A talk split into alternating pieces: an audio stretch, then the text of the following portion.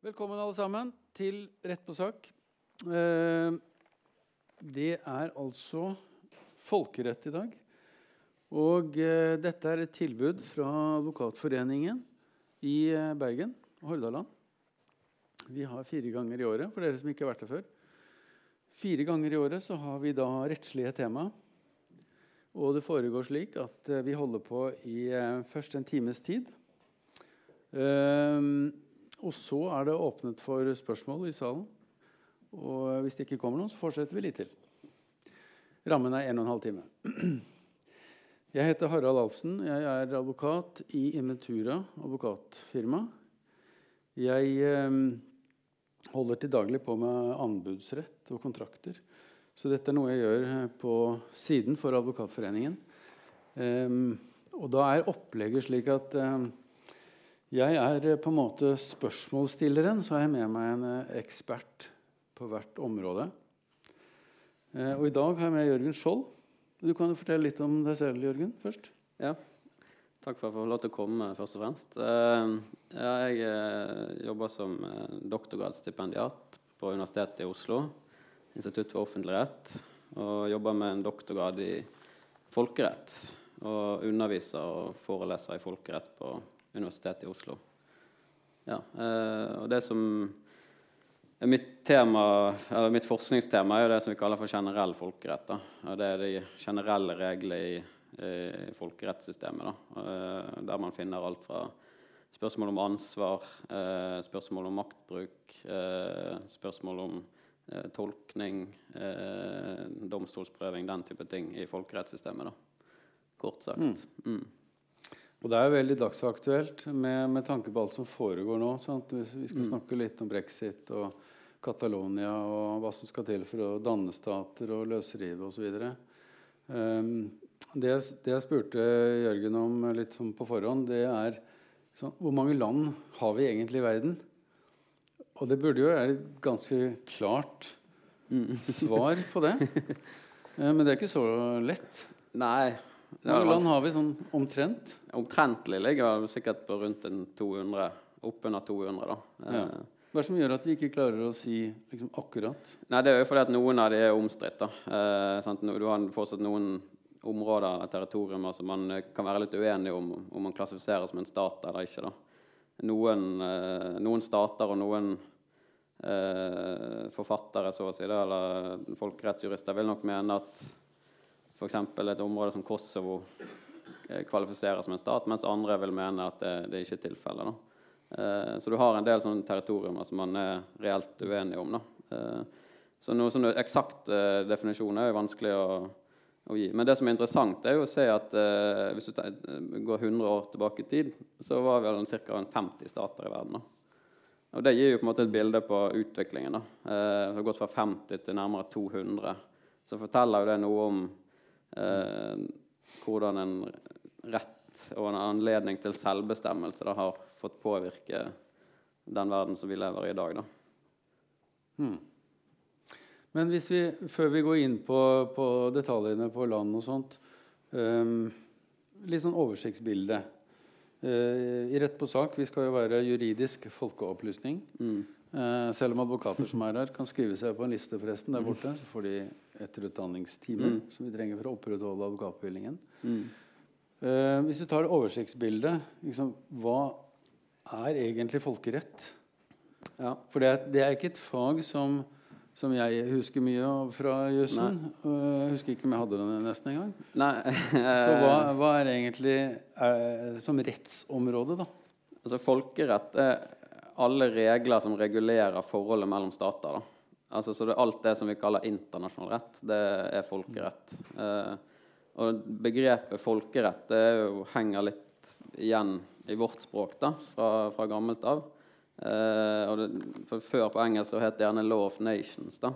Altså regler mellom folk. ikke sant? Og det har blitt oversatt til norsk derfor, til folkerett, og på tysk eh, tilsvarende. da. Eh, så på engelsk så vil du gjerne snakke om det vi kaller folkerett, og det heter 'public international law' på engelsk. Eh, og Det du finner i dette systemet, er jo kort sagt alle slags regler som regulerer forhold mellom statsdannelser. Um, Og, eh, så det vi kaller menneskerettigheter, er jo også basert på folkerettslige avtaler mellom stater. Eh, EØS er også en folkerettslig avtale mellom stater. EU-traktatene tilsvarende. Eh, og så, kan du si, eh, så har du på en måte alltid hatt en diskusjon om på en måte, folkerett. Er det, er det juss, eller er det noe annet? For du har ikke den type håndhevelsesmekanismer som du har i nasjonal rett. Eh, Så når vi tenker på juss i nasjonalrettslig kontekst, så er vi vant til å forholde oss til en domstol som kan si sånn er retten, punktum finale. Eh, vi er vant til å forholde oss til en stat som kan håndheve regler som er gitt. Eh, og det finner ikke du i, i folkerettens system. Da. Eh, men det du kan si, er jo på en måte at det kom, eh, altså Om du vil kalle det juss eller om du vil kalle det noe annet, det er litt avhengig av hvilken definisjon av rett du anvender. da. Fordi at du, du kan velge den, på en måte, den nasjonalrettslige tilnærmingen si at rett er kun det som kan håndheves av et sentralisert organ. Men du kan også si det at rett er jo det eh, samfunnsaktørene selv definerer som rett. da. Så hvis de oppfører seg rundt disse reglene som om det er bindende regler, eh, så kan man kanskje si at for alle praktiske formål så er de da eh, bindende regler. Um, og det som er interessant, det er jo også å tenke på Det er veldig få som tenker når de får et brev i posten fra utlandet, da, eh, at det, det som faktisk foregår der, er at postmannen oppfyller Norges folkerettslige forpliktelse og leverer det brevet i postkassen din. Eh, eller at når du tar flyet til Spania for å gå på ferie, så, så oppfyller faktisk eh, de to statene sine folkerettslige forpliktelser ved å la flyet passere. Eh, og alle de luftrommene flyet passerer gjennom, eh, de, det kan du gjøre det fordi det finnes folkerettslige avtaler som sier at det er greit at du kan fly der. Eh, sånn, så det er på en måte det vi kaller folkerett, det påvirker liksom egentlig alle sider av det livet vi lever i dag, da, Mm. kan man si. Men er det, når du sier det er, det er mellom stater, hva er, hva er individets rettigheter eller plikter i folkeretten? Har de det? Absolutt. Altså, jeg nevnte jo menneskerettigheter. Um, og du har jo også andre nivåer av rettigheter, f.eks. In internasjonal investeringsrett. som er hvis du f.eks. som et selskap eh, investerer i et fremmed land, da, eh, så er jo den eiendomsrettigheten du kan hevde i det landet, eh, den er jo også beskyttet av fol folkerettslige avtaler. da. Eh, så det vil si at du er ikke undergitt, er eksklusivt den statens eh, politiske vilje til å respektere eiendomsretten din. Din hjemstat kan faktisk beskytte din eiendomsrett, beskytte din investering i utlandet.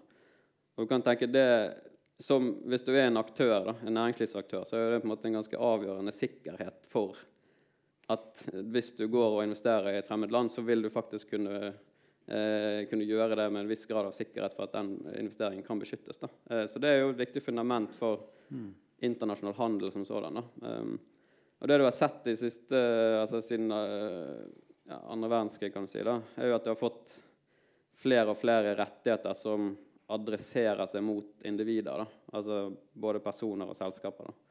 Um, så du har hatt en utvikling av individenes stilling i folkeretten. Uh, Og du kan kanskje snakke om at individene også har blitt på en måte subjekter i det rettssystemet, da, som tradisjonelt har vært opptatt av stater. Mm. Den store forskjellen mellom individer og stater er jo fortsatt til stede. Da. For individer har jo ingen direkte eh, påvirkning på regeldannelsen i folkeretten. Da. De må i så fall gå gjennom sine statsstrukturer. Eh, for det er kun stater som kan lage regler eh, i folkerettens system. Da. Mm. Det er kun stater som kan lage regler. Men, eh, men eh, eh, i her, rett på sak så prøver vi å ha, holde liksom fulle perspektiver lenge. Mm. Og, og vi har jo et system, hvis du tenker globalt, da, med rettsdannelse. Mm. Med civil law og common law, f.eks. Mm. Altså civil law, som er mer sånn constitutional law, sånn som vi har, med at vi lager lovbøker, mens common law, Mm. UK, USA, Australia, er mer domstolskapt. Mm. Og hvis vi tenker da folkeretten, er den, er den eh, lovhjemlet, holdt jeg på å si, skriftlig, eller fins det ulovfestet folkerett? Eh, ja, det gjør det. Det finnes mye altså det er to, Du kan si det er to eh, hovedkilder til uh, folkerettsregler. Da. Det ene er jo skriftlige kilder, som vi kaller for gjerne traktater eller konvensjoner. F.eks. EMK er en skriftlig kilde. Altså Europeiske menneskerettighetskonvensjon. Sant? Det er en skriftlig mm. tekst. Mm. Eh, men så har du også eh, en vesentlig del av folkeretten som er basert på internasjonal sedvanerett, da, som du kaller det. Og det internasjonal sedvanerett er, eh, det er ulovfestet. Eh, og opphavet til de reglene er jo eh, det vil, jo, det vil jo være at de gir uttrykk for en etablert praksis som er fulgt i den tro at de eh, utgjør bindende regler. Sant? Altså at statene de følger en gitt praksis under forutsetning av at dette oppfatter de som å være gjeldende folkerett. Hva kan det være, da? Eksempelvis? Det vil f.eks. være altså alle regler om ansvarsstillelse i folkeretten. En ganske vesentlig del av eh, ethvert regelsystem. Da. Altså regler om når stater kan holdes ansvarlig for folkerettsbrudd. Uh, hvilke konsekvenser folkerettsbrudd kan ha. Det er fullstendig sedvanebasert.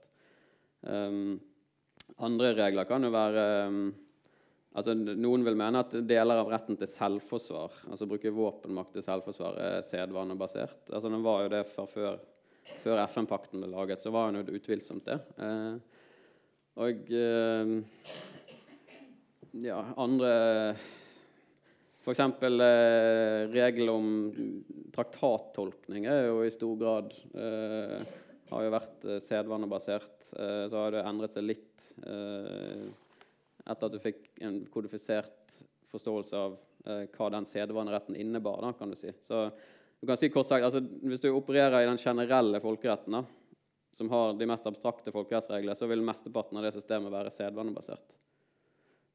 Uh, inklusiv f.eks. regler om jurisdiksjonsmyndighet mellom land. Da.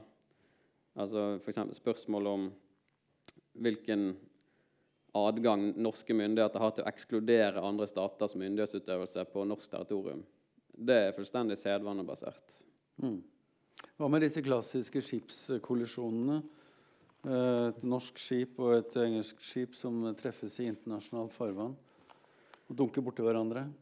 Ja, det er jo nå har du fått Havrettstraktaten på 80-tallet, som regulerer det meste av det som foregår på, på havet. da. eh, så kan du si Den er jo ikke ratifisert av alle stater. Så i den forstand er den dels altså For de statene som har ratifisert og akseptert den teksten, så er jo den skriftlig. Eh, mens for de som ikke, så gjelder likevel de samme reglene på sedvanerettslig grunnlag. Da. Så forskjellen er ikke så stor, kan du si. da. Men, eh, mm. eh, men der òg har jo du hatt altså, utgangspunktet på de fleste felt i folkeretten har vært sedvane. Og så har man tatt noen felt, og så har man kodifisert. F.eks. dette med havrettsregulering. Eh, så man har tatt det, og så har man skrevet ned det man oppfatter som en akseptert rettstilstand. Ellers er jo partene også avhengig av å kontraktsfeste ja. eh, ansvarsfordeling. Ja. F.eks. hvilke lands rett skal legges til grunn i en internasjonal kontrakt. Ja. Hvor skal en sak føres? Ja på hvilket språk osv. Det er jo også kontraktsfrihet på. Ja, Det er det som vi kaller for internasjonal privatrett. Eh, som, altså Lovvalgsregler og den type ting. da, eh, Og jurisdiksjonsregler. Altså hvilket lands, ja, hvilket lands lover som skal gjelde eh, for ulike avtaler og ja, forhold mellom individer, typisk. Mm. mm. Hvis vi nå nærmer oss dette med en stat altså um, Når jeg forberedte meg litt, her, så tenkte jeg hva er et land? Mm. Men det er egentlig feil spørsmål. Eh, for det er jo et geografisk område, tenker jeg. Ja, det kan du si. Altså, hva, En stat, da. Hva, mm. hva, er en stat? Hva kjennetegner en stat? Altså Hvis vi tenker sånn eh, empirisk på det, da, altså, altså rent faktisk, så er jo det det som kjennetegner en stat, det er jo at du har, eller det er en enhet som har en eh, noenlunde eksklusiv kompetanse på sitt område. Eh, og det har en befolkning, eh, det har en, noen definerte grenser, kan du si. da. Eh, så Det er jo det som empirisk sett kjennetegner stater. Eh. og så har du spørsmål om hva som rettslig sett eh, kvalifiserer til kategorien stat. Og det er en mm. litt annen diskusjon. Men hvis, begynner, hvis vi begynner da med en befolkning sant? Mm Um, ja, hva er, det, hva er det? Altså, er samene på en måte en befolkning? Er nordmenn en befolkning? Er uh, katalonerne en befolkning? Mm. Ja, så Det kan man trygt si empirisk sett. så er det det. Absolutt. Eh, og så er det spørsmål befolkning i hvilken sammenheng. Altså hvilken Hvis man sier de, denne grupperingen kan hevde visse rettigheter, f.eks., så må man definere hvilke rettigheter man snakker om, og så spørre om de har en slik rettighet, og om de kan gjøre den gjeldende på den måten som de ønsker. Så det blir jo en komplisert eh, diskusjon. Da. Men hvis vi tar f.eks. Altså for, den rettslige forståelsen av eh, hva som utgjør en stat, eh, den har jo eh, også utviklet seg litt over tid. Eh, tradisjonelt så hadde, var man veldig opptatt av anerkjennelse. Da. Da sa man gjerne at de territoriene og de samfunnsenhetene som anerkjennes å være stater, de er stater. Altså Det blir på en måte en sirkulær argumentasjon. da. Du sier Anerkjennelse eh, gir statsdannelse. Eh, og du anerkjennes fordi du er en stat som altså, ja, så, Anerkjent eh, av hvem da? Nei, Andre stater anerkjenner at du er en stat, og vi er alle sammen stater. Sant? Så har du måtte lage, eh, Det er det som konstituerer staten, at du anerkjennes av andre stater. Og da og da, de som på en måte kjenner litt eh, historikken, og de husker jo gjerne at hvis du går tilbake til 1800-tallet, så hadde man en forståelse av at det var kun siviliserte områder som kunne være stater. da. Og Det forklarer jo litt hvorfor vi hadde 50 stater før og 200 nå. Eh, det var jo fordi at Størsteparten av verden ble da ansett å være usivilisert. Du kunne ikke være stat. Så du fikk ikke mm. anerkjennelse. sant? Og Det forklarer jo hvorfor vi hadde så mange kolonier før. sant? Eh, og denne definisjonen av hva som var og hva som kunne være en stat, var jo med å måte, legge grunnlaget for eh, legitimeringen av eh, kolonialisering. Da, kan du si, sant? For det må man var nødt til å kolonisere, for dette var områder som ikke selv kunne styre seg. De kunne ikke være deltakere i det internasjonale rettssystem. Og så kan du si at eh, det som har skjedd eh, siden begynnelsen av 1900-tallet og frem til i dag, er at du har fått en mer en positivistisk forståelse av rett. Eh, og det, Med det så mener jeg at eh, man har fått en mer eh, det kan kalle det en mer formalistisk tilnærming. da. At man sier hvis du oppfyller visse kriterier, eh, sånn som f.eks. det å ha en befolkning, ha et territorium, ha en regjering og sånne ting, eh, så er du en stat uavhengig av eh, om andre anerkjenner deg eller ikke. det må gjelde noen juridiske kriterier. Oppfyller du de, så er du en stat. Punktum. Ferdig snakket. da. Um, og det er jo den alternative forståelsen. Sant? Så da har du på en måte på ene ytterpunkten den ekstremt subjektive, og på andre ytterpunkten den ekstremt formalistiske. Da. Og den formalistiske tilnærmingen den, den, tenker vi, den bygger gjerne på at fire kriterier må være oppfylt for at du skal være en stat. Og Det ene er som du sa, du må være en befolkning. Du må ha, du må ha et folk som sier 'vi har en stat', dette er vår stat. Uh, og så må det være et territorium som er avgrenset, som denne befolkningen da eh, har kontroll over. Um, og så må det være en regjering som har effektiv kontroll over befolkningen og territoriet. Og det siste kriteriet det er jo at du må kunne være en deltaker i det internasjonale systemet. altså Du må være uavhengig av andre stater. da. Hvis ikke du er uavhengig, eh, så, så er jo ikke du et eh, fungerende subjekt i systemet, så å si. Da. Altså, da er du på en måte ikke en selvstendig stat. Eh, mm. Så det er de fire kriteriene som man tradisjonelt har anvendt som eh, vilkår for statsdannelse, da, kan du si. Mm. Men det krever ikke at den staten er demokratisk? Kan den være di diktaturisk? Diktatorisk? Ja. altså, hva, er det noen grunnleggende regler der? Absolutt. Eh, det, det, er ingenting eh, eh, Det ville jo vært problematisk hvis man hadde et forbud mot å ha en sånn styreform. Da. For da ville jo veldig mange stater i verden ikke kvalifisert til å kunne kalles stater. Mm. Så det ligger på en måte ingen substansielle forventninger til styreformen. da det som er snakk om når det gjelder styreform, er at du har en effektivitet i styret ditt. Da. Og det er jo logisk, for at, for at, du skal være en stat, så må du også være en fungerende stat. Da. Hvis ikke du klarer å fungere eh, effektivt på ditt territorium, eh, så, eh, så er det også problematisk å på en måte bli anerkjent rettslig, så å si, som en statsdannelse, da, kan du si. Mm. Hvis du tenker deg Grunnloven i Norge eh, Den består av eh, seks kapitler. Mm. Eh, et kapittel om den lovgivende makt, Mm. sant? Stortinget. Eh, men du nevnte, sa ikke at det var et vilkår? At man hadde en lovgivende forsamling? Mm, Nei, det, det Trenger man ikke det for Nei. å være en stat? Det trenger du for så vidt ikke. Altså, du, eller du må jo det, det er jo på en måte litt innbakt i det at du må ha et effektivt indre styre. da. Eh, så du må jo nødvendigvis ha noen som har makt til å gi regler. Eh, Og få hjulet i samfunnet til å gå rundt, så å si. da. Men om du kaller det et parlament eller om du kaller det et politbyrå, det er på en måte ikke så nøye, da. Det, um, I Nei. denne sammenhengen, for å si det sånn.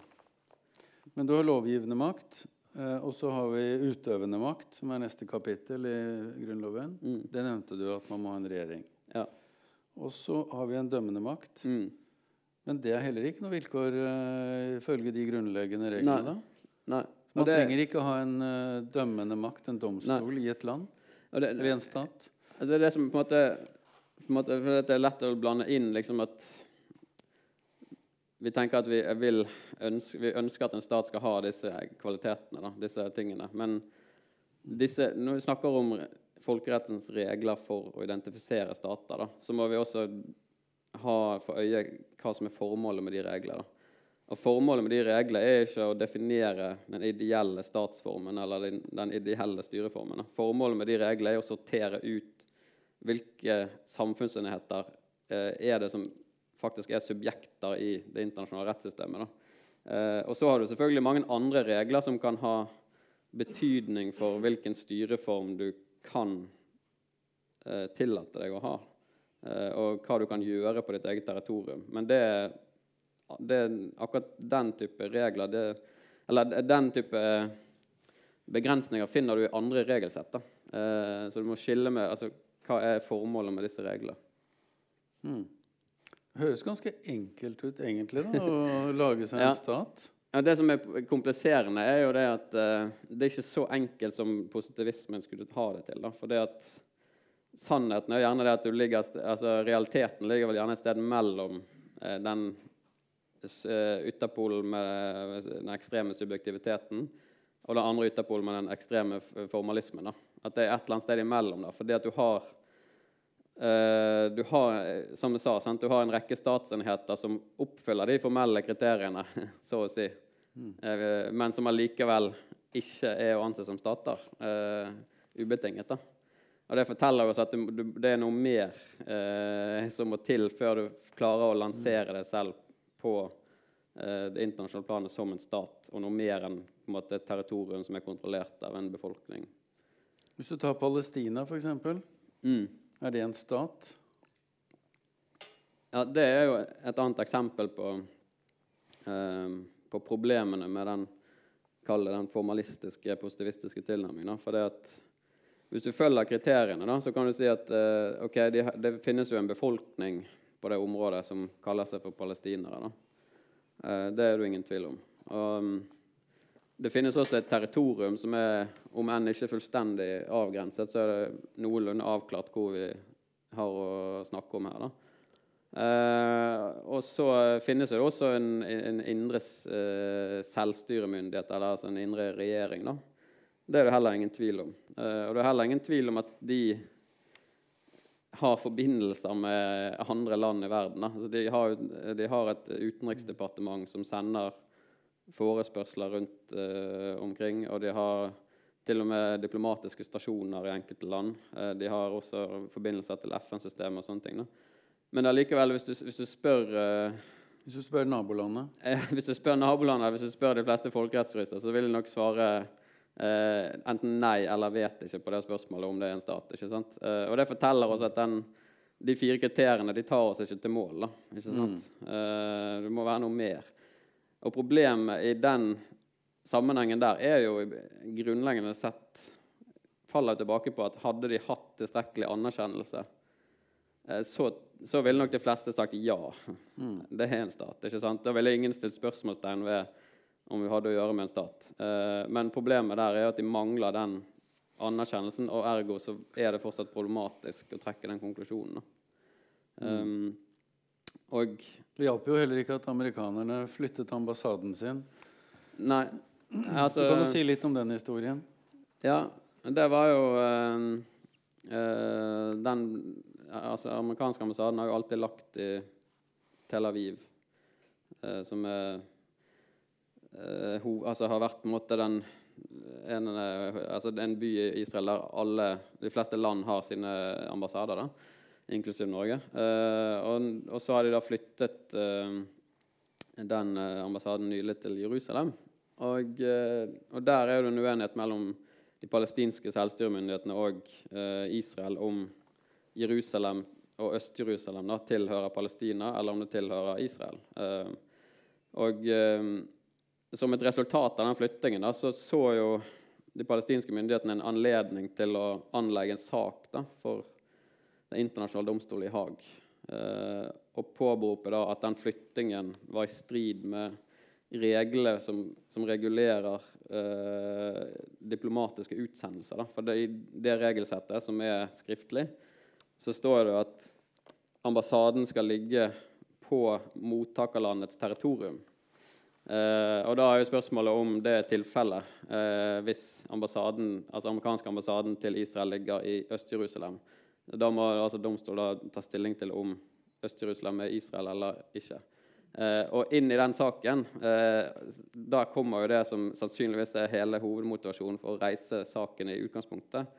Det er jo det at For å løse det spørsmålet eh, så må jo du prejudisielt ta stilling til om Palestina er en stat eller ikke. Mm. Eh, så det er på en måte den, den, saken den, den, ble vel lagt inn i fjor høst. Eh, og får sikkert sin løsning i løpet av de nærmeste år. Men men, men, det som er interessant med den saken, er at den viser litt av hvordan domstolssystemet i folkeretten fungerer. For det at en sånn domstol som Den internasjonale domstol i Haag, den har jo ikke en generell jurisdiksjonskompetanse. Da. Så det, betyr at den kan ikke, den kan ikke behandle alle saker. Eh, den er avhengig av å ha eh, jurisdiksjon enten på det, en, altså på det enkelte regelområdet og Eh, at statene som anlegger sak, har akseptert domstolsjurisdiksjon. Så det vil si at domstolen har en ganske begrenset eh, saksmengde den i praksis kan behandle. Mm. Men veldig ofte så er det denne type sideregler eller sideavtaler som man kan eh, eh få behandlet fordi at man i den sammenhengen så har man gjerne sagt at ok, vi aksepterer domstolsjurisdiksjon til behandling av denne traktaten som handler om diskriminering, eller som handler om f.eks. diplomaters rettigheter og sånne ting. da. Og da klarer man å lure inn den type grunnspørsmål da, eh, gjennom å ta opp søksmål knyttet til disse mer spesifikke konvensjonene. F.eks. Eh, Ukraina- og Russland-konflikten også. Eh, der er det også anlagt en sak for ICJ i Haag. Eh, men den saken har jo ikke å gjøre med, eh, direkte med spørsmålet om, nei, om, Russland har invadert Ukraina ulovlig eller ikke. Spørsmålet i saken er om Russland gjennom sin støtte til disse eh, personene i Krim og sånn, om de har eh, utøvd ulovlig diskriminering av krimtatarer. Så det er på en måte utgangspunktet fremstår det som en ganske sånn triviell problemstilling i den i det sakskomplekset. Da. Men poenget der er jo å få domstolen til å si eh, noe om lovligheten av Russlands tilstedeværelse i utgangspunktet. Da. Så det, det er liksom sånn kompliserende element i um, internasjonal domstolsvirksomhet. kan du si. Vi kan jo komme litt tilbake til den domstolen etterpå. Jeg vil holde fast i dette spørsmålet hva er en stat, og når blir en stat? Og det er jo tydeligvis ingen sånn fast Eh, faste regler. Du har snakket om geografisk område, befolkning, regjering. At det er noen som på en måte kan uh, holde tak i uh, ordning og reda. Mm. Men så har du nevnt andre ting òg. Og så du snakker om diplomatiske forbindelser. Mm. Og da er det jo spørsmål om anerkjennelse fra andre land. Altså det å f.eks. få etablert ambassade, eller få lov å etablere ambassade ute, eller at andre Mm. land kommer til deg. Mm. Er det en diplomatisk eh, felles måte å anerkjenne hverandre på? Som, da, som underbygger dette med at eh, For det, dette er jo et ledd i å kunne bli en stat, sier du. Det er jo at du blir Mm. anerkjent. Og da må det jo være diplomatiske forbindelser. Altså, det, I praksis så skjer jo det ganske enkelt at du får en eller annen offentlig uttalelse om at uh, vi anerkjenner uh, det området. Og, og verdien av det er jo at det, ligger, det ligger jo noe politisk makt bak de ordene. da. Hvis du anerkjenner et område, så er det også grenser for hva du aksepterer av, eh, av behandling det området kan undergis. da. Kosovo er åpenbare eksempelet. da. Eh, det faktum at eh, hele Vest-Europa og, og hele Nato-systemet har gitt sin politiske anerkjennelse av Kosovo som stat, det er jo det som på en måte har klart å, å oppebære den, eh, det samfunnet som uavhengig, da, kan du si. Så Kosovo er, er en stat. Ja, altså Det vil jo Norge annet eh, tendere til å mene, og, og Nato og USA. Men problemet i den sammenhengen der er jo at eh, eh, f.eks. Russland og Kina, og til og med Spania har vel også vært kritisk, eh, eh, og en rekke andre land, eh, de mener jo at det, det ikke eh, anses som en stat. da. Og Det har jo litt å gjøre med omstendighetene som lå til grunn for den statsdannelsen. da. Altså måten den kom til på, da. som enkelte stater ikke aksepterer. Hmm. Ja, Vi skal snakke om det med løsrivelse. Så Ja, vi kan komme vi kan komme tilbake, tilbake til Jugoslavia der. Men det med, med, det med da aner, diplomatisk anerkjennelse er i hvert fall ett ledd på Mm. veien. Mm. Hva med FN? Eh, har de noe system for anerkjennelse? Nei. Eh, men eh, det som Det ligger jo noe viktig i eh, altså FN kommer først på behandling når du, når du er akseptert som en stat. så betyr jo det, En av fordelene med det er jo at du faktisk kan bli medlem i en organisasjon som FN. da. Du kan bli medlem i en organisasjon som EU. Uh, det kan du ikke hvis ikke du er en stat. da. Men FN og EU sånn direkte, så, så har ikke de noe håper jeg, uh, eh, beslutningskompetanse i det spørsmålet. Da. De kan ikke avgjøre om du er eller ikke er en stat. Eh, eh, de, kan, eh, de kan kun slippe det inn hvis du allerede har blitt det. kan du si. Da. Eh, Men når vet FN at du har blitt en stat? Nei, I praksis så vil det, det foregå altså Hvis det er Kosovo-tilfelle, så vil man stemme over, eh, over om man skal eh, få medlemskap. Og i den prosessen så vil det måtte vurderes om du er en stat. Og da baseres jo det, den vurderingen på aksept da, fra alle medlemsstatene i FN. Da. Aksepterer alle at eh, denne enheten kan bli medlem. Og et av vilkårene for medlemskap er at du er en stat, så implisitt vil du da akseptere at det er en stat hvis du slipper inn. Da. Så til syvende og sist så blir det en avstemning i, i FN. Hvilket organ er det? Generalforsamlingen. Ja. Generalforsamlingen Mm. stemmer over medlemskap. Ja. Mm. Og mer enn 50% så er du en stat. Uh, ja, jeg, husker ikke akkurat om det er 50 Nei, men- eller men det er- men det, ja, det, Mm. Mm. Men det som er, det du kan si, er jo at uh, hvis du på en måte Hvis du skal ta det litt videre, da, så kan du si uh, Hva er det som liksom er essensen da, eh, du må få på plass for at du skal kunne være en stat? da? Og hvis du ser på Nå er det jo sånn at siden disse reglene har kommet til annet som del av sedvane, så er det på en måte basert på kasuistikk. Det er enkelttilfeller som du summerer til eh, et sammenhengende hele. Da. Og det kan være vanskelig å trekke noe sånn enhetlig eh, slutning fra de tilfellene. Så man skal være veldig forsiktig med å måte prøve å systematisere noe som er egentlig basert på kasuistikk. Men eh, du kan si at eh, det det peker mot, er at du må være uavhengig. ikke sant? Uavhengighet i tilknytning til én bit av planeten, da, kan du si. Eh, Hvorfor har du befolkningskriterium? Hvorfor har du territorielt kriterium? Jo, det er for at du skal kunne skille ut eh, hvor er dette folket du snakker om, hvor er dette territoriet du snakker om. Eh, og hvorfor har du eh, regjeringskrav? Jo, det er fordi at du skal kunne hevde at dette er vårt folk, dette er vårt territorium. Eh, og hvorfor har du eh, vilkår om eh, det å kunne tre i forbindelser? Jo, det er jo for at du skal kunne være en uavhengig aktør i systemet. ikke sant? Så det peker på at du må være en uavhengig eh, aktør for at du skal kunne være en stat. Og det uavhengighetsbegrepet kan du gjerne bryte ned i to deler. Da. Du kan si det er en del som har å gjøre med det formelle uavhengighet.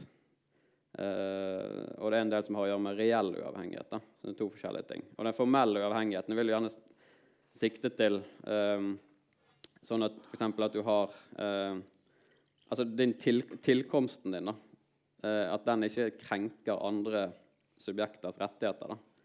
Eh, men den f.eks. basert på en avtale, så har du en, da er formell uavhengighet uproblematisk. da. Du, har, du, kan kalle det en ren tilkomst. da, ikke sant?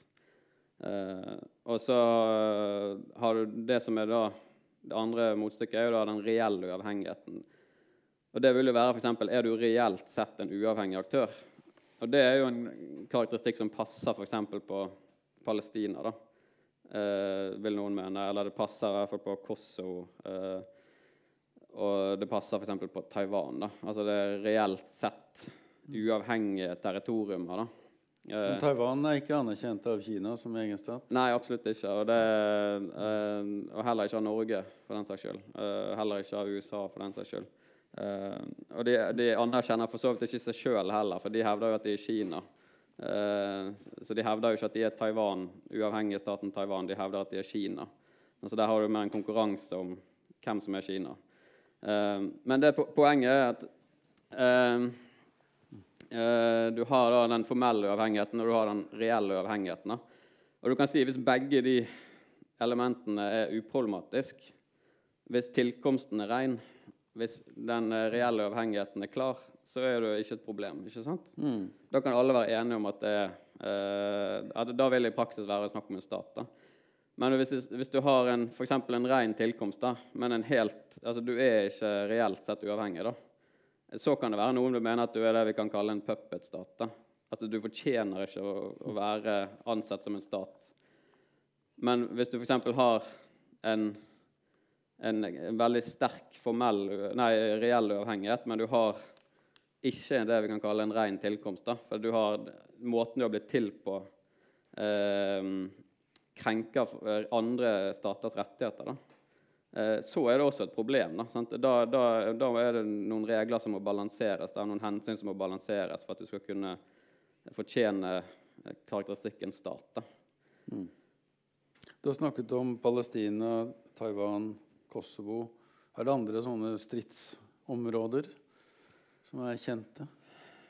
Andre stridsområder uh, Altså, vi har jo uh, Det som er mest aktuelt, det er jo Um, men det er jo for så vidt ikke så, så tvilsomt. Da. Men det er jo er saken som i Catalonia. Da. Uh, men det går på løsrivelse? Ja. Det kommer etter hvert øyeblikk. Ja. Vi, vi, må bare bli ferdig med hva som skal ja, til okay. for å være en stat først. Ja, du har jo, du har jo et sånt område borti uh, Armenia som jeg akkurat ikke husker helt hva det heter, men det heter noe sånn Negorno-Karabakh. Ja, nettopp. ja. Eh, der, eh, Uten at jeg kjenner helt detaljene, det gjør kanskje du mer, men, eh, men, der er det mm, Det som er problemet der, er jo Og det er interessant, for det belyser at det er jo, der er ikke problemet den formelle uavhengigheten. Eh, fordi at sånn som jeg forstått det, så Armenia har jo da opprettet eller gitt uavhengighet til dette styret, da, til dette området. Mens eh, de, veldig mange stater betviler om dette er reelt sett en uavhengig stat eller om Armenia kun har opprettet det for at det skal være en slags puppet-stat. Um, og Derfor er uh, den statsdannelsen omstridt. Uh, et annet tilfelle som av og til er gjenstand for litt forvirring, er jo Vatikanstaten. Uh, for det at det er så lite, ikke sant? Uh, det er jo ikke mer enn Bergen sentrum, enda mindre enn det. sant? det jeg vet ikke hva det er, 0,8 et eller annet kvadratkilometer. Og så er det 800 mennesker som er statsborgere. og sånt. Da. Så da kan du si at enkelte vil jo stille spørsmålstegn om kravet til befolkning er tilfredsstilt. Da, for det er så få mennesker. Mm. Om kravet til territorium er tilfredsstilt, for det er så lite territorium. Uh, mm. De har jo et styre. Sant? De har jo akkurat hvordan det fungerer, jeg kjenner ikke i detalj, men det er jo pavestat Eh, altså en slags regjering som fungerer og har kontroll i det lille området. Da. Eh, samtidig så er de helt eh, omsluttet av Italia. ikke sant? Og eh, hvis du er på Petersplassen, så ser du gjerne italienske politimenn som holder på. Så du kan jo spørre liksom, er det reelt sett en uavhengig stat. da, ikke sant? Eller er, det, er dette noen form for noe lureri eller et eller annet, altså noe spill for gallerier? og sånt da. Eh, noen vil jo mene at det ikke kvalifiserer som en stat, men det som og igjen, Det viser jo også litt kasuistikken. da, altså At dette er basert på altså konkret rimelighet i enkelttilfeller. da, så de, Hvis du spør de fleste stater, da, hvis du går og ser på statspraksis, så vil de fleste stater ha traktater med Vatikanstater. Uh, blant annet Norge har jo det. sant? Uh, og det er en, en, veldig sterk indikasjon på at man aksepterer at Vatikanstat er en stat. Da, for man behandler det som en stat. Mm. Um, en annen ting er jo at hvis du ser på tilkomsten til Vatikanstaten, så er det helt åpenbart det vi kan kalle altså, en ren tilkomst. da. Uh, fordi at den, det lille området ble opprettet som en stat gjennom en traktatavtale med Italia. Da. Der Italia og pavestaten ble enige om at eh, vi avstår dette området. Dere oppretter Vatikanstaten. Eh, så der har du på en måte en, en, avtale som er helt klar. Så den formelle uavhengigheten er ikke omstridt. Og da, hvis den er såpass klar, så kan du kanskje akseptere en litt lavere grad av reell uavhengighet. Da. Du mm. kunne stille det samme spørsmålet med Monaco, f.eks. Også et veldig lite område også helt avhengig av nabostaten Frankrike. Eh, vesentlige samfunnsfunksjoner kunne ikke fungert uten med Frankrike. Men det betyr ikke nødvendigvis at de ikke kvalifiserer som en stat. Så, ja. Så det viser at det er en, det er en balansering av mm. ja, Det vi kan i hvert fall konstatere, at det er, ikke, det er ikke en fast regel. Det er på en måte en kombinasjon av mange ting. Ja, det kan du si. Ja. Og der det blir tvil, så vil jo i praksis eh, andre staters aksept ha stor betydning. Mm. For det visker ut tvil. Mm. Hvis de ikke aksepterer, så blir tvil stående som det mest avgjørende. Men må alle land akseptere? Eller holder det med at naboene gjør det, eller de viktigste, eller stormakten, eller Nei, altså det er jo mer et spørsmål om eh, altså, altså, Hva er det du har lyst til å oppnå? Altså, er det sånn at du har lyst til å komme inn i FN, så er det vesentlig at Russland aksepterer. ikke sant? Ellers får ikke du til det. Uh, mm. Men er det sånn at du har lyst til å kontrahere med andre stater, så kan du fritt gjøre det. Uavhengig om Russland mener at du ikke har kompetanse til å gjøre det. Sant? Det spiller ingen rolle. da. Men så det er noe med uh, mm. Ja, må skille de to tingene, da. Nå har vi snakket mye Jørgen, om, eh, om, det å danne en stat. Nå må vi snakke litt om det motsatte. Mm. Å løsrive seg. Ja. For det er jo den samme ja. historien, bare motsatt. Ja, er det, er, det, like vanskelig å løsrive seg som å danne en stat? Ja, det går litt på Da er du på en måte inne litt i uh, altså det, Når du går tilbake til den skillet mellom formell og reell uavhengighet. da. Problemet med løs, altså det å løsrive seg fra en stat er at det normalt sett innebærer at du ikke har en ren tilkomst. Da. Fordi at eh, min, altså Hvis den staten som eier dette territoriet, sier nei, du får ikke lov å løsrive deg, dette er vårt territorium, så vil jo det si at hvis denne staten løsriver seg, eh, så krenker jo de den rettigheten den moderstaten da har til å si nei. Eh, og Det går tilbake til hele grunnstrukturen i hva det innebærer å være en stat for det, det det innebærer å være en stat, er at du er suveren på ditt territorium. Da. Du har en befolkning, du har et territorium. Mm. Og Der inne kan du styre utgangspunktet fritt. Eh, og Det vil jo si at andre aktører i systemet kan ikke ta territoriumet ditt og bryte det ut og si vi lager en ny stat. Eh, og det har ingen betydning at disse, at disse, aktørene er dine egne statsborgere. så å si. Da. Altså, mm. Du har en rett til å styre eksklusivt over det territoriumet. Du trenger jo ikke lese mer enn én paragraf i Grunnloven ja. uten at du leser da at Norge er et udelelig ja. rike. Nettopp. Vi kan ikke eh, deles opp. Nei. Og andre konstitusjoner har vel sikkert samme ja, ja. vokabularet. Ja, og det er jo Så da må det grunnlovsendring til. Ja. Og det er jo voldsomme prosesser. Eller det kan jo man diskutere, da, for man kan jo på en måte Det handler jo litt om måten man tolker akkurat den regelen på. da. Um, Men du kan jo si sånn som i Catalonia-tilfellet, så har jo nettopp det problemet blitt det store problemet fordi at man har tolket konstitusjonen, eller man har en konstitusjon som sier at du kan Selv om, selv om man eh, eh selv om man skulle ønske å slippe Catalonia fri, så må man endre Grunnloven. da. Eh, tillater ikke eh, oppsplitting. Da.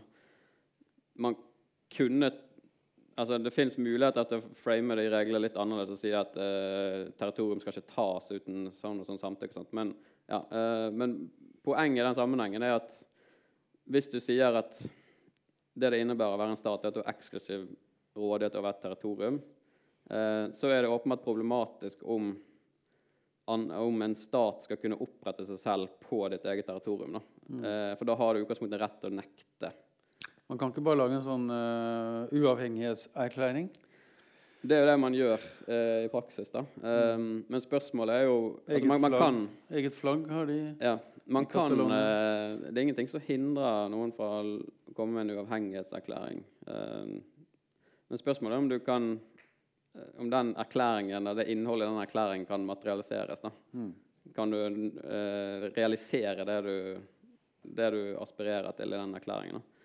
Kan du opprette den staten? Og, um, og, altså, det som Det som um, det som man kan si, er jo at den store liksom, diskusjonen i, på akkurat dette spørsmålet er jo um, det faktum at du har en rett til selvbestemmelse. da.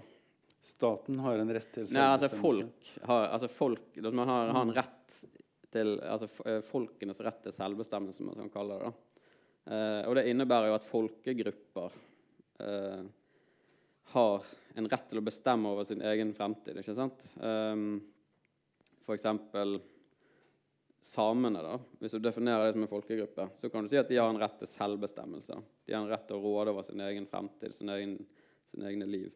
Eh, du kan si det samme om um, uh, altså Nordmenn som befolkning har jo åpenbart også en rett til selvbestemmelse. sant? Uh, Uh, og, og uh, Bergen, Kan Bergen ja, bli en egen stat? Bergenser, kanskje. Ja. ja. Det kan jo trekke det, det argumentet. Uh, at man har det som bergenser, en rett til selvbestemmelse. Men, mm. men, det som er interessant, er jo at altså For det første så kan man være enig i at, at det fins et katalansk folk og sånne ting. Um, men så er jo spørsmålet Hvis du har den statens rett til å nekte statsdannelse og så har du på den andre siden eh, befolkning, eller folkenes rett til selvbestemmelse. som altså sier du har rett til eh, ja, selvbestemmelse og eh, under noen omstendigheter bryte ut. Da. Så er spørsmålet kan du, kan denne konkrete folkegruppen eh, ha de adgang til å bryte ut fra denne staten og få eh, altså Kan den rettigheten de har, veie tyngre enn den rettigheten staten har? Uh, og det spørsmålet er jo et spørsmål som konklusjonen vil være avhengig av faktum. Da, ikke sant? Uh, der vil det være ulike konklusjoner uh, basert på ulike faktum. Og under det så ligger det en observasjon om at en rett til selvbestemmelse kan ikke bety rett til løsrivelse i alle tilfeller. Mm. Du må Du må ha med deg konstitusjonen? Ja, nei, ikke nødvendigvis.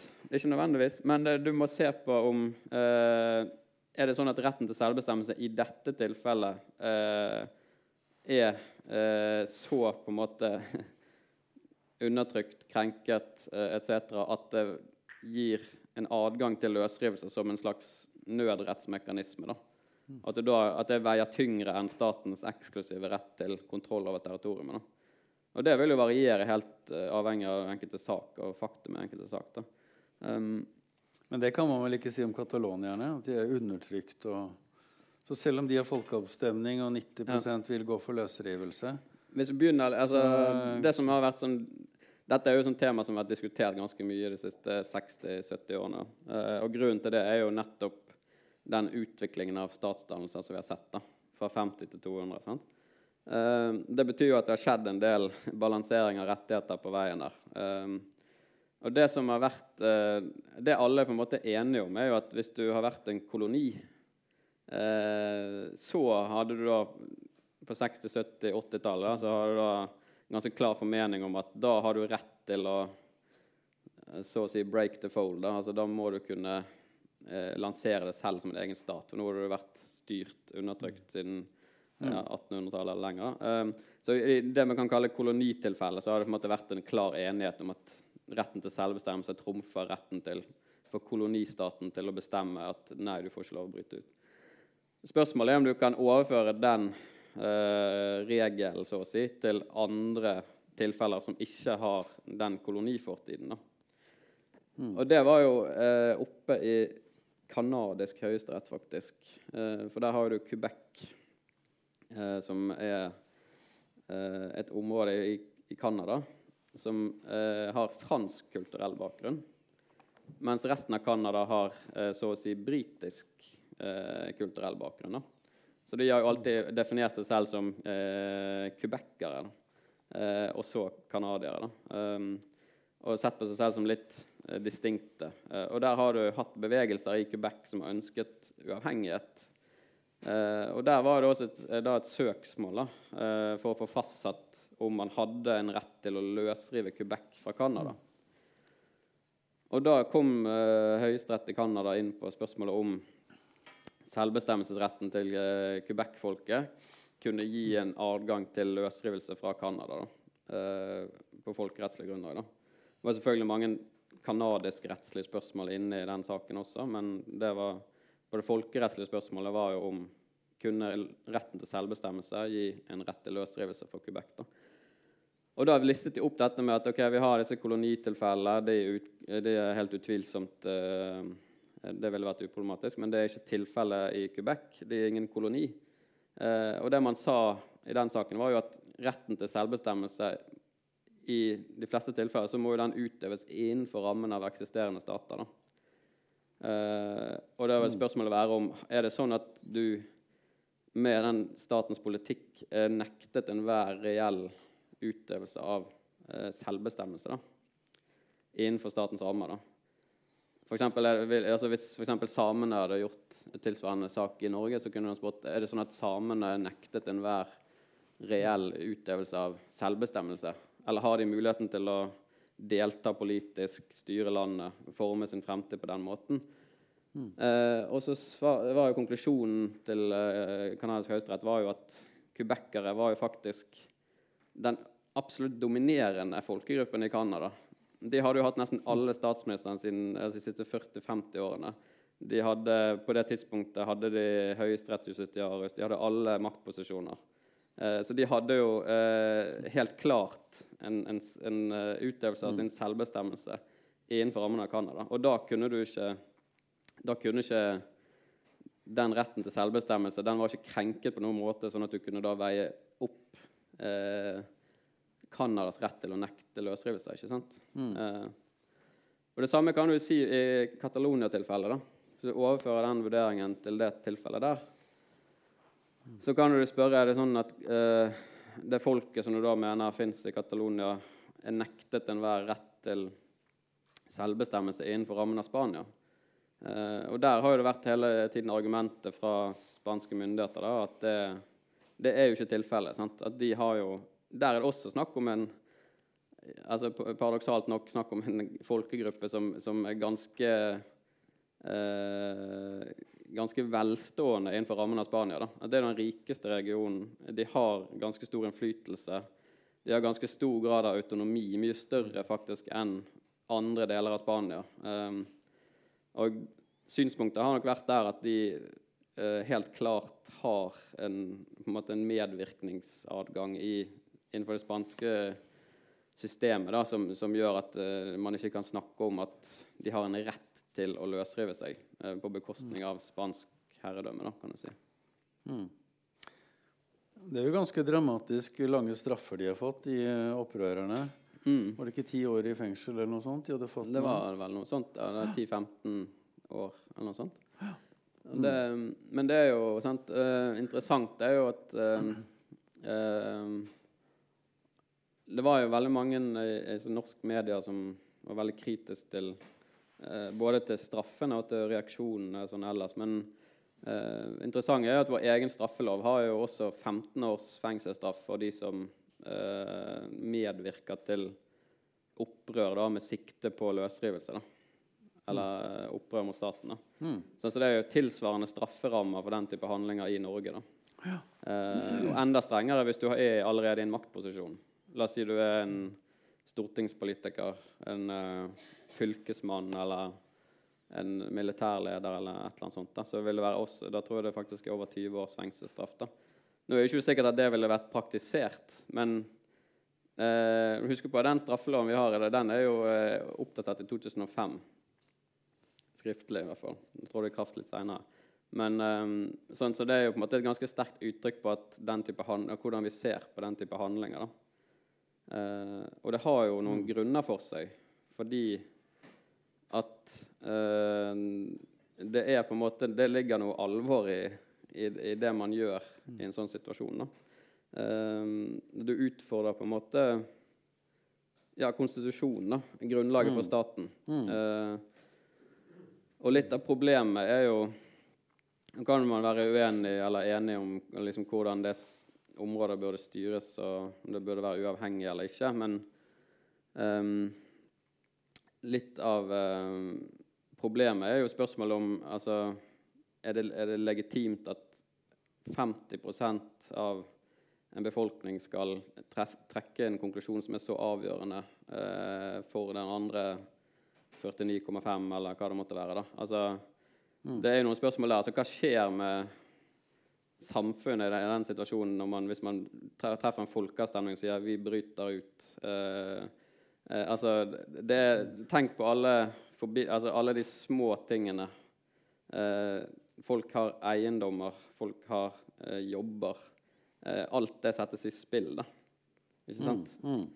Og så er det sånn at hvis du har en sånn folkeavstemning som ligger i bunn, så sentrerer du på en måte hele den politiske diskursen rundt Ja, men vi stemte for. Ikke sant? Så da Det er et ganske kraftig sånn politisk virkemiddel det legger. da. Og Du kan jo bare se på brexit. Altså Hvordan hele den diskusjonen har på en måte Etter folkeavstemningen. Altså, Bre altså EU var, har jo alltid vært sånn problem i britisk politikk. Men det var jo ikke sånn at man liksom før brexit-avstemningen at det var alt man snakket om i britisk politikk. Det var liksom sånn Ja, ja, vi kunne tenke oss å være litt mer uavhengige, men det, det er noe sånn det er. liksom, Litt sånn som vi er i Norge. da. Men, men nå er jo på en måte alt sant, På grunn av den folkeavstemningen så er alt spørsmål om ja, vi må, vi må etterkomme valget, eller vi må ikke etterkomme valget, og vår brexit skal være sånn, eller den skal være sånn. Altså det måte Det blir Ja, Men når du først er inne på brexit altså, Det siste vi har lest om, er jo at Skottland ønsker å løsrive seg fra UK.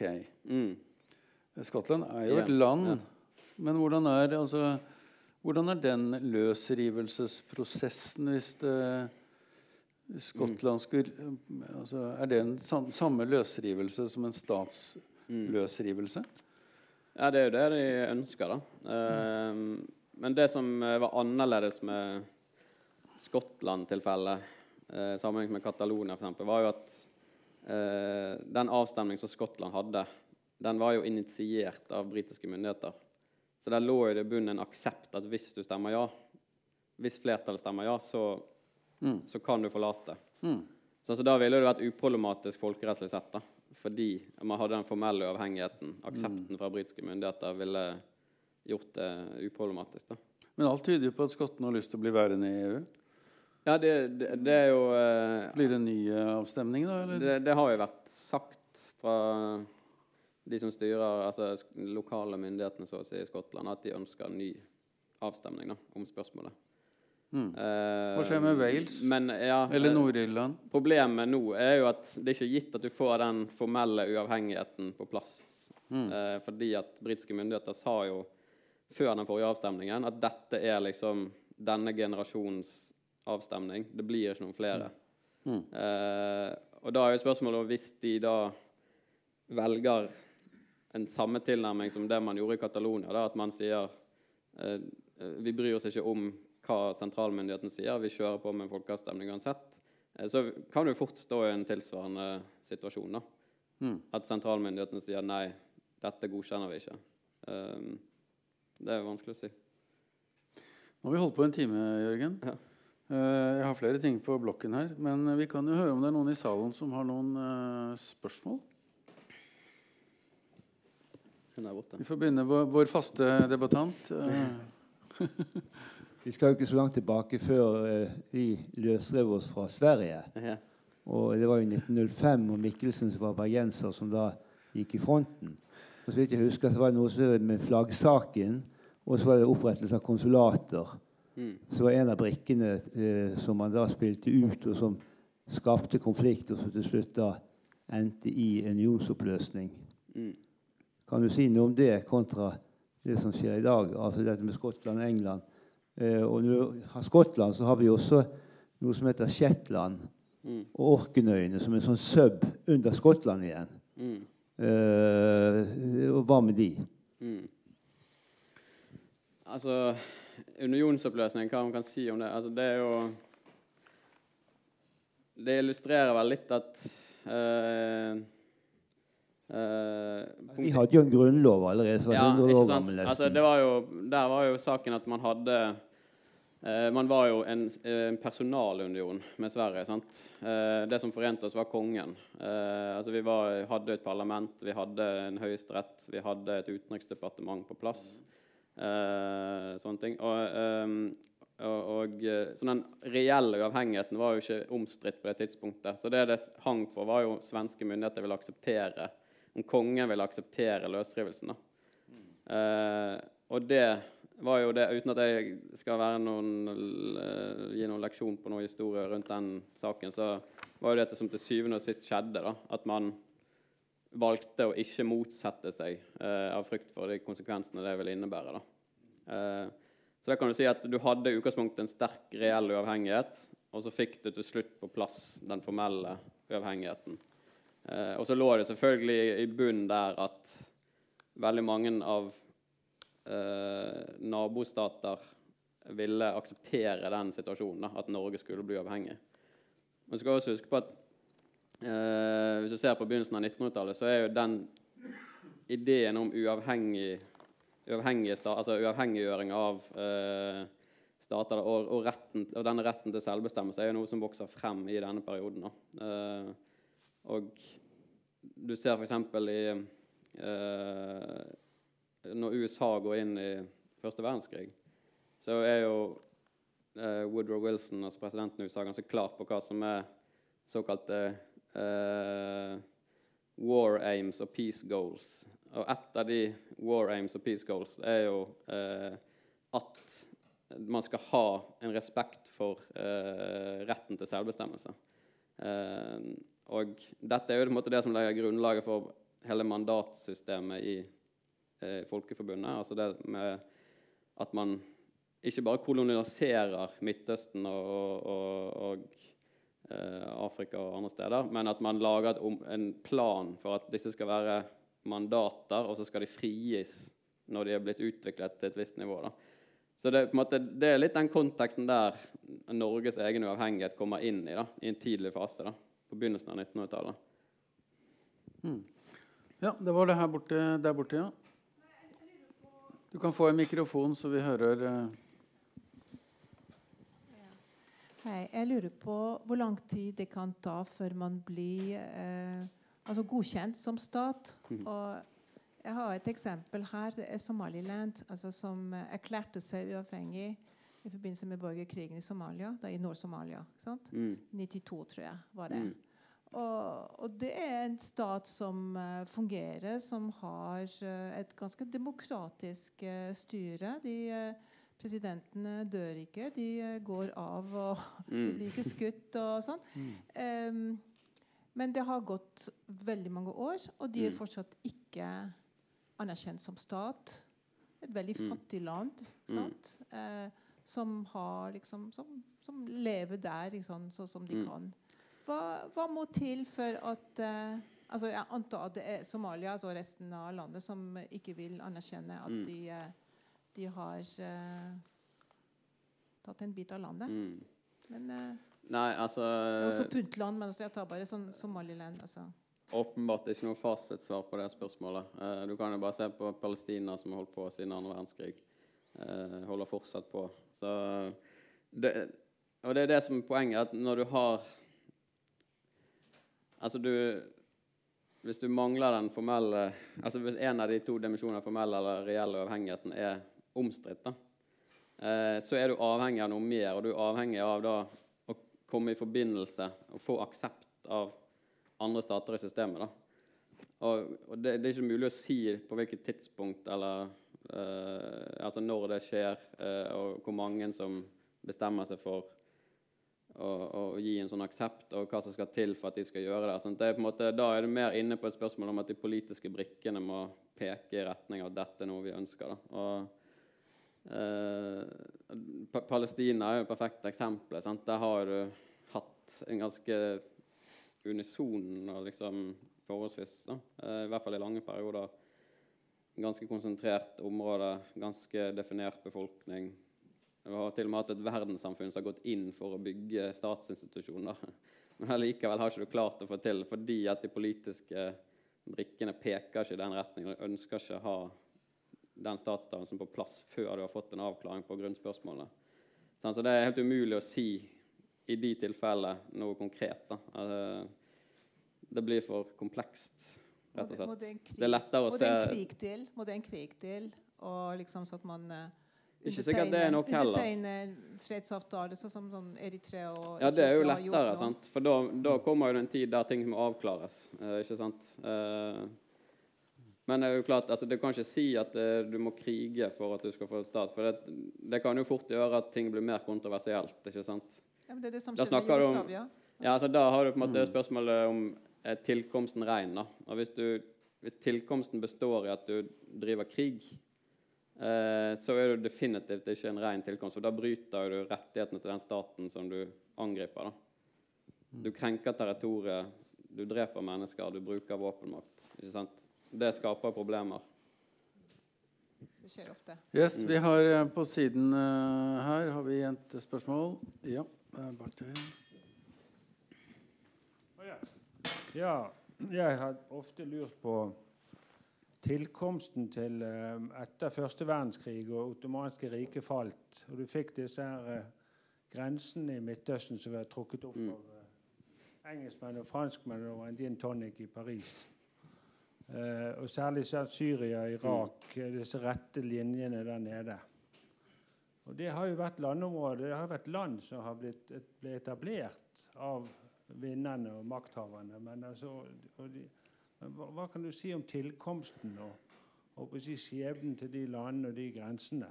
Er det noe som Altså om, den, om grensene om stat, der er omstridt? Om stat, tilkomsten og statene er stabile? De, mm. de, altså, eh, rasjonale bak det var jo ja. altså, Det gikk jo på tvers gjennom folkegrupper. og, og mm. var, altså der, sant, I denne perioden så er det en, en tid der veldig mye av det statssystemet som vi har i dag, Eh, er under formering. Da. At eh, grenser settes og festes. Da. Eh, og det er det som foregår i, i denne, altså begynnelsen av 1900-tallet, slutten av 1800-tallet. Så er det veldig mange av de tingene som vi ser i dag som faktiske forhold som etableres. Da.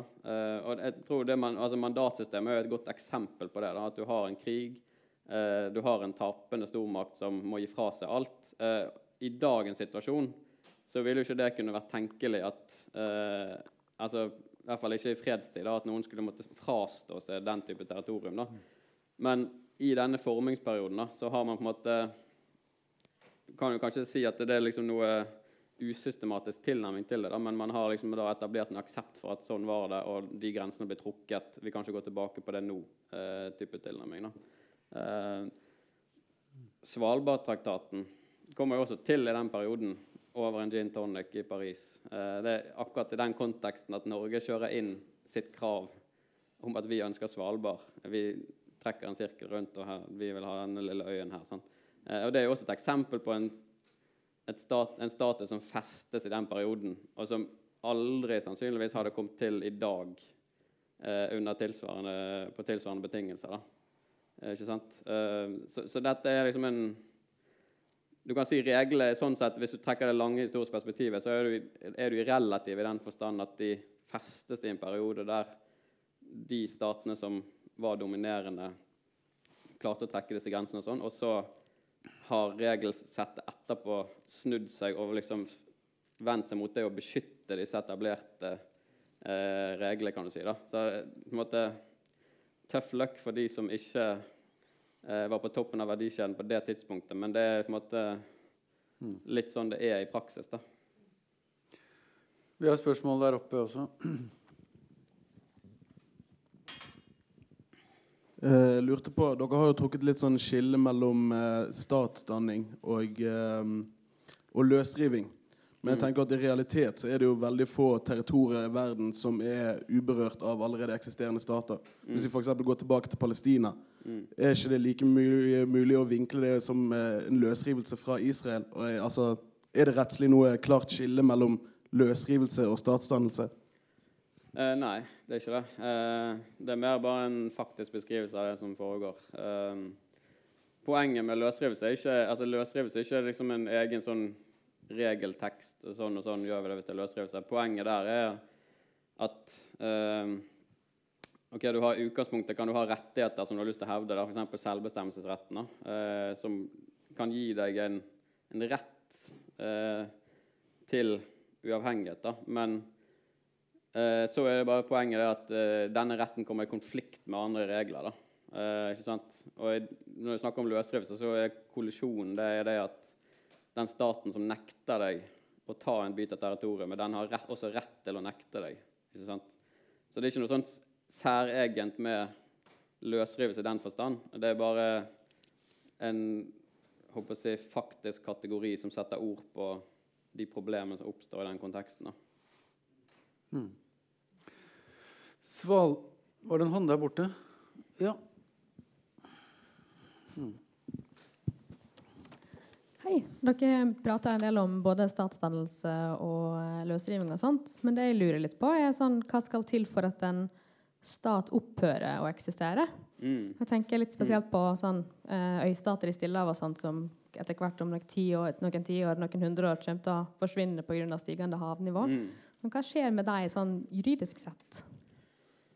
Nei, det er jo et interessant spørsmål som jeg tror det kanskje ligger en eh, doktorgrad som ventes på å skrives en gang om 20 år. Men, eh, men eh, det du kan si, er jo litt tilbake til det vi snakket om festede forhold.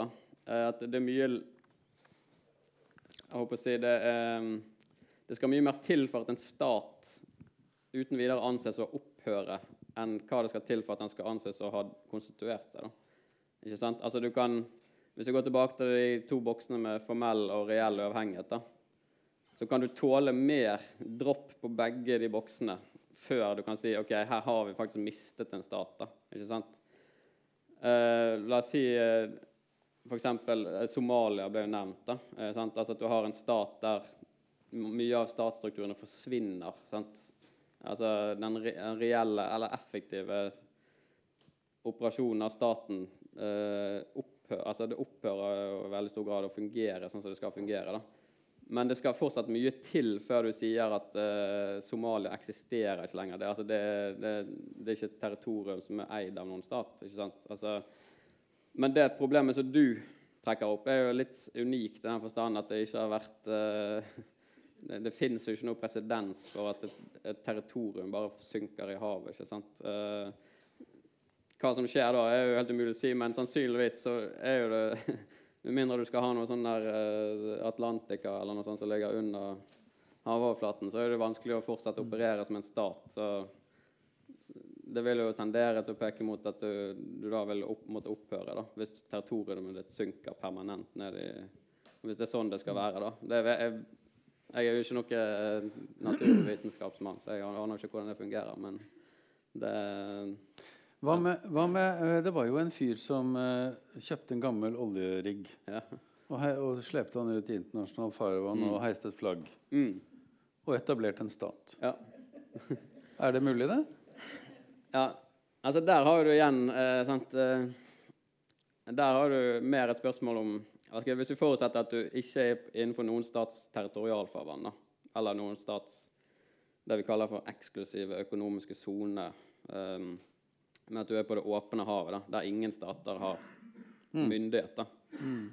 så er ingen problemer med tanke på tilkomst. da. Altså, du, du krenker ingens rettigheter hvis du smekker opp en oljeplattform. ikke sant? Uh, utgangspunktet. Men uh, uh, Og du kan sikkert ha full kontroll La oss si du har full kontroll opp på oljeplattformen. Altså du, har, du oppretter en liten kabinett, og du styrer affærene. Du har en liten befolkning på 50 mennesker, eller hvor mange disse plattformene tar. vet jeg ikke. Man laget en egen pengeenhet òg. ja, det kan du ha. Sant? Du kan bruke mm.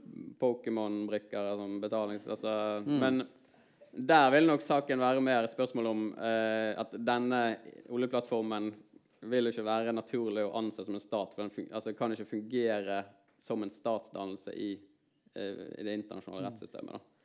Altså, det, er ikke, det, er ikke noe, det er ikke noe hensikt i å anerkjenne det som en stat. Da. Eh, ja. Men litt tilbake til uh, uh, Det var ikke noen flere hender i været? var det? Nei. Litt tilbake til Svalbard. Nå har vi jo um, Svalbardtraktaten. Mm, Den er nå 100 år neste år. mm. Og de altså Man kan jo stille spørsmål er Svalbard norsk. Mm. Sant? Eh, var det en, var det en hyggelig gest etter at vi var veldig greie mm. under første verdenskrig? Eh, og vi klarte å være lur og få tak i Svalbard. Mm. Eh, vi ha, det er jo et norsk eh, regelsett. Norsk territorium, kaller vi det kanskje. Men er Svalbard norsk? Jeg vil si eh, altså det på en måte ja, men den norskheten er relativ. da. Den er bundet opp til denne traktaten, og den kan tas bort hvis traktaten forsvinner. Så det er ikke en integrert del av norsk territorium. Uh, du kan kanskje si at eh, vi er, vi er som en vaktmester der. sant? Men vi har en som en vaktmester som har uh, fått en ganske eksklusiv kontroll over de områdene han bevokter. da, for å si det sånn. Uh, og det er ingen som per i dag Altså balansen i verden Russ, russerne er jo ute etter Ja, de er klart, De er veldig aggressive. ja, men så er det klart at, og det er klart at også uh, EU har jo også vært fremme og hatt interesser i farvannet rundt Svalbard og sånt. da. Men det er klart at summen av interesser uh, peker ikke i den retning at noen ønsker å ta fra Norge rådigheten. da. Fordi at uh, da vil du få med en gang en diskusjon om ok, hvis du tar fra Norge rådigheten, hvem skal da ha rådighet? Eh, og det er jo en potensiell eh, eh, vanskelig problemstilling. Eh, men du kan si det som er interessant med Svalbard-situasjonen, er jo at det er en ganske fin balansegang for norske myndigheter å gjøre. og Hvis du går og spør eh, rettsavdelingen i UD, så vil de sjelden snakke så veldig mye om Svalbard. Um, for at, uh, det som er saken er at altså, I jo større grad Norge hevder sine rettigheter der, og det er jo rettighetene rett til og da, Vi har jo faktisk en rett til å ekskludere aktører fra Svalbard. Eh, Men vi kan ikke diskriminere mellom aktører. Da. I den grad vi tillater en virksomhet, så kan vi, må vi tillate det virksomhet fra alle de statene som har ratifisert Svalbardtraktaten. Mm. Men du har en del spørsmål som Det er jo like mange utlendinger der som nordmenn, eller kanskje flere. Ja, men du har en del spørsmål som har oppstått eh, siden denne traktaten er gammel. Da, så har jeg fått et spørsmål om hvordan situasjonen er for farvannet rundt Svalbard. Og naturressurser. Ja, naturressurser i det farvannet. For det, det er jo fordi at um, når Svalbardtraktaten ble laget, så var jo territorial altså Da hadde man ikke noen eksklusiv jurisdiksjon over farvannet utenfor tre mil, eller altså territorialfarvannet. da. Men så har du etterpå fått en sedvanerettslig oppfatning om at kyststater har en eksklusiv økonomisk sone som strekker seg mye lenger enn det. Eh, og så er spørsmålet ok, de rettighetene som er nedfelt i Svalbardtraktaten, gjelder de også i dette farvannet? Eller gjelder Svalbardtraktaten kun på Svalbard? Det som eksplisitt står i traktaten. da. Og Norges posisjon er jo at det er kun det som står i traktaten fra 1920 eh, som gjelder. da. Du kan ikke utvide den retten til ikke-diskriminering eh, til kystfarvannet. Og det er jo det som skaper problemer eh, for, eh, altså i forholdet til f.eks. For fiskebåter og andre fra EU. da. Eh, som ikke ønsker å ekskluderes eh, i det kystfarvannet. da. Og Der er det en balansegang. Hvor langt skal du tørre å pushe den tolkningen? da? Eh, det er klart Du kan jo mene at du har rett sånn prinsipielt. Altså, det kan jo man mene, men spørsmålet er om du skal utfordre den skjebnen. da. Vi har jo noen baltiske fiskebåter, hadde vi ikke det, som eh, fisket, fikk Mm. tillatelse til å fiske av EU Ja. i Svalbardsonen. Ja. Mm. Mot, mot med vårt uh, Ja da. altså, Det er en del sånne saker. Og det, der er det hele tiden en balansegang. Ja, hvor sterkt skal man hevde den uh, suvereniteten? Så du klarte ikke å svare ja eller nei på det heller, da, Jørgen? Typisk jurister, ikke sant? Ja, men. Eh, så Svalbard er norsk. Vi er vaktmester. Ja. ja. Jeg tror det er et veldig sprengstofftema, det der. For nå er det mange land som klorer. Nå har Nord-Korea eh, akkurat Mm. De har jo signert eh, De har signert Svalbardtraktaten. De etablerer seg. Ja. Det er ganske stor Ja. aktivitet der oppe. Og Og du har jo Norge eh, ordføreren i Kirkenes var vel ute og sa at Kirkenes skulle bli en ny Singapore. Sånn, så der skal alle båtene skal gå forbi Kirkenes, og de skal da inn og bunkre. Og, så, så det er jo på en måte eh, Mm. Nå er det ikke sikkert han får rett om det, da, men, men liksom det er mye sannsynligvis mye trafikk som vil gå den veien. da. Det er mye som kan skje. Mm. Men det er klart, eh, suverenitetshevdelse er jo veldig viktig på Svalbard. Mm. Og nå stenger vi ned alle gruvene. Mm. Russerne bygger seg opp i, eh, i Barentsburg. Mm. Det er klart at styrkeforholdet vil endre seg. Ja, ja. Kineserne har store, tunge eh, avdelinger der. Ja. Men Ok, Vi kan ikke bare snakke om Svalbard. Nå nærmer vi oss litt slutten. Det som jeg vil eh, snakke om litt sånn eh, mot slutten, er dette med domstol. Og du nevnte Hvis vi tenker folkeretten igjen. Mm. Eh, du nevnte den internasjonale folkerettsdomstolen. Mm. Altså Det er jo den, det øverste nivået kanskje på, på den domstolen. Men hvis vi begynner på laveste nivå Folkerettssaker. Mm. Dukker de opp i tingretten? ja, det gjør de. Uh, ja, det gjør de. Um, I ulike, ulike spørsmål som kan komme opp. Og det er faktisk uh, en sak fra 2001 og 2002. Der var jo et kjernespørsmål om Nord-Kypros var en stat eller ikke. da. Eh, nå var jo på en måte tingretten I Bergen tingrett? Nei, i, eh, dette var i Oslo. da. Det var en person som hadde importert noe. Jeg husker ikke akkurat hva han hadde importert, om det var poteter eller noe. Men da må du ha sånn sertifikat. Da, sant? At eh, det er ikke noe helseproblemer med de potetene du tar inn. Og så står det i vår lovgivning at den, det sertifikatet skal komme fra eh, staten der du henter potetene fra. Eh, og så var jo, hadde, hadde han tatt disse potetene fra Nord-Kypros, der som er tyrkisk kontrollert, men ikke anerkjent som en egen stat. da. Og da har disse nordkypriotiske myndighetene gitt sitt kvalitetsstempel på potetene. da. Og da er spørsmålet var det godt nok. da?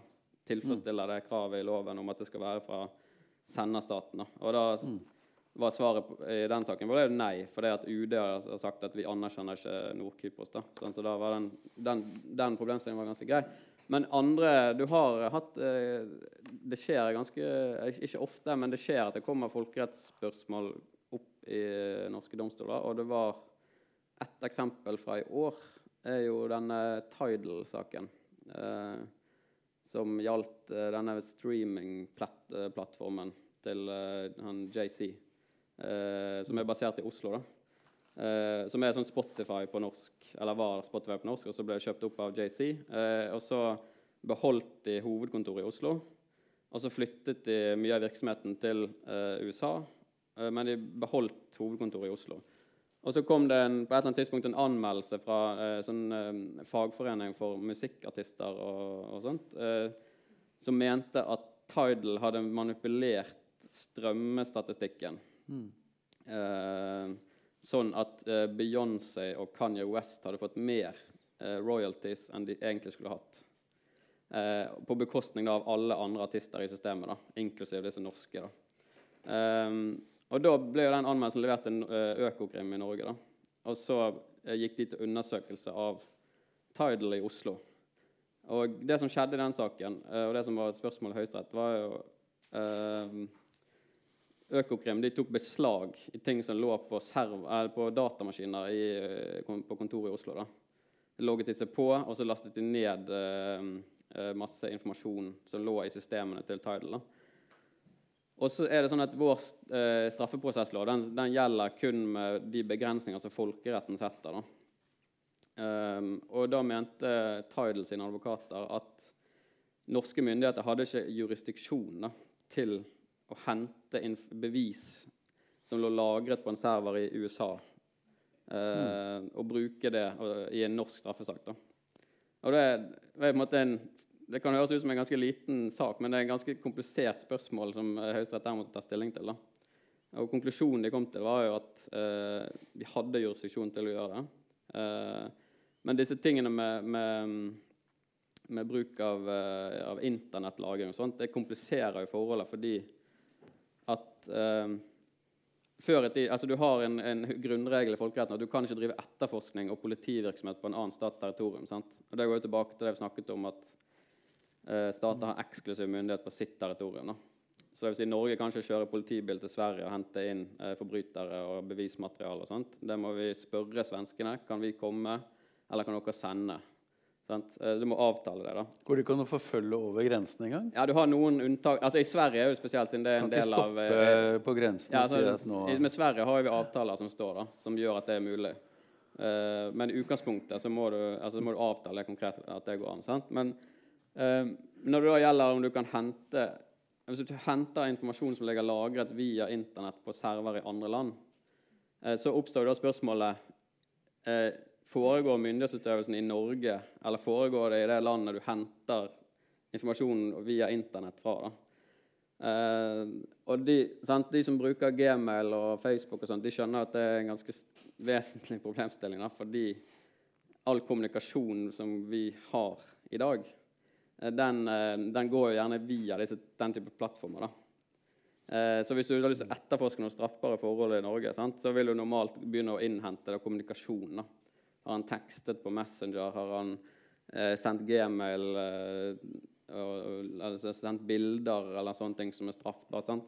Da vil du hente det ned. da. Og spørsmålet er, skal du da gå til finne ut den staten der serveren ligger, og spørre kan vi få lov til å logge oss på og hente ned?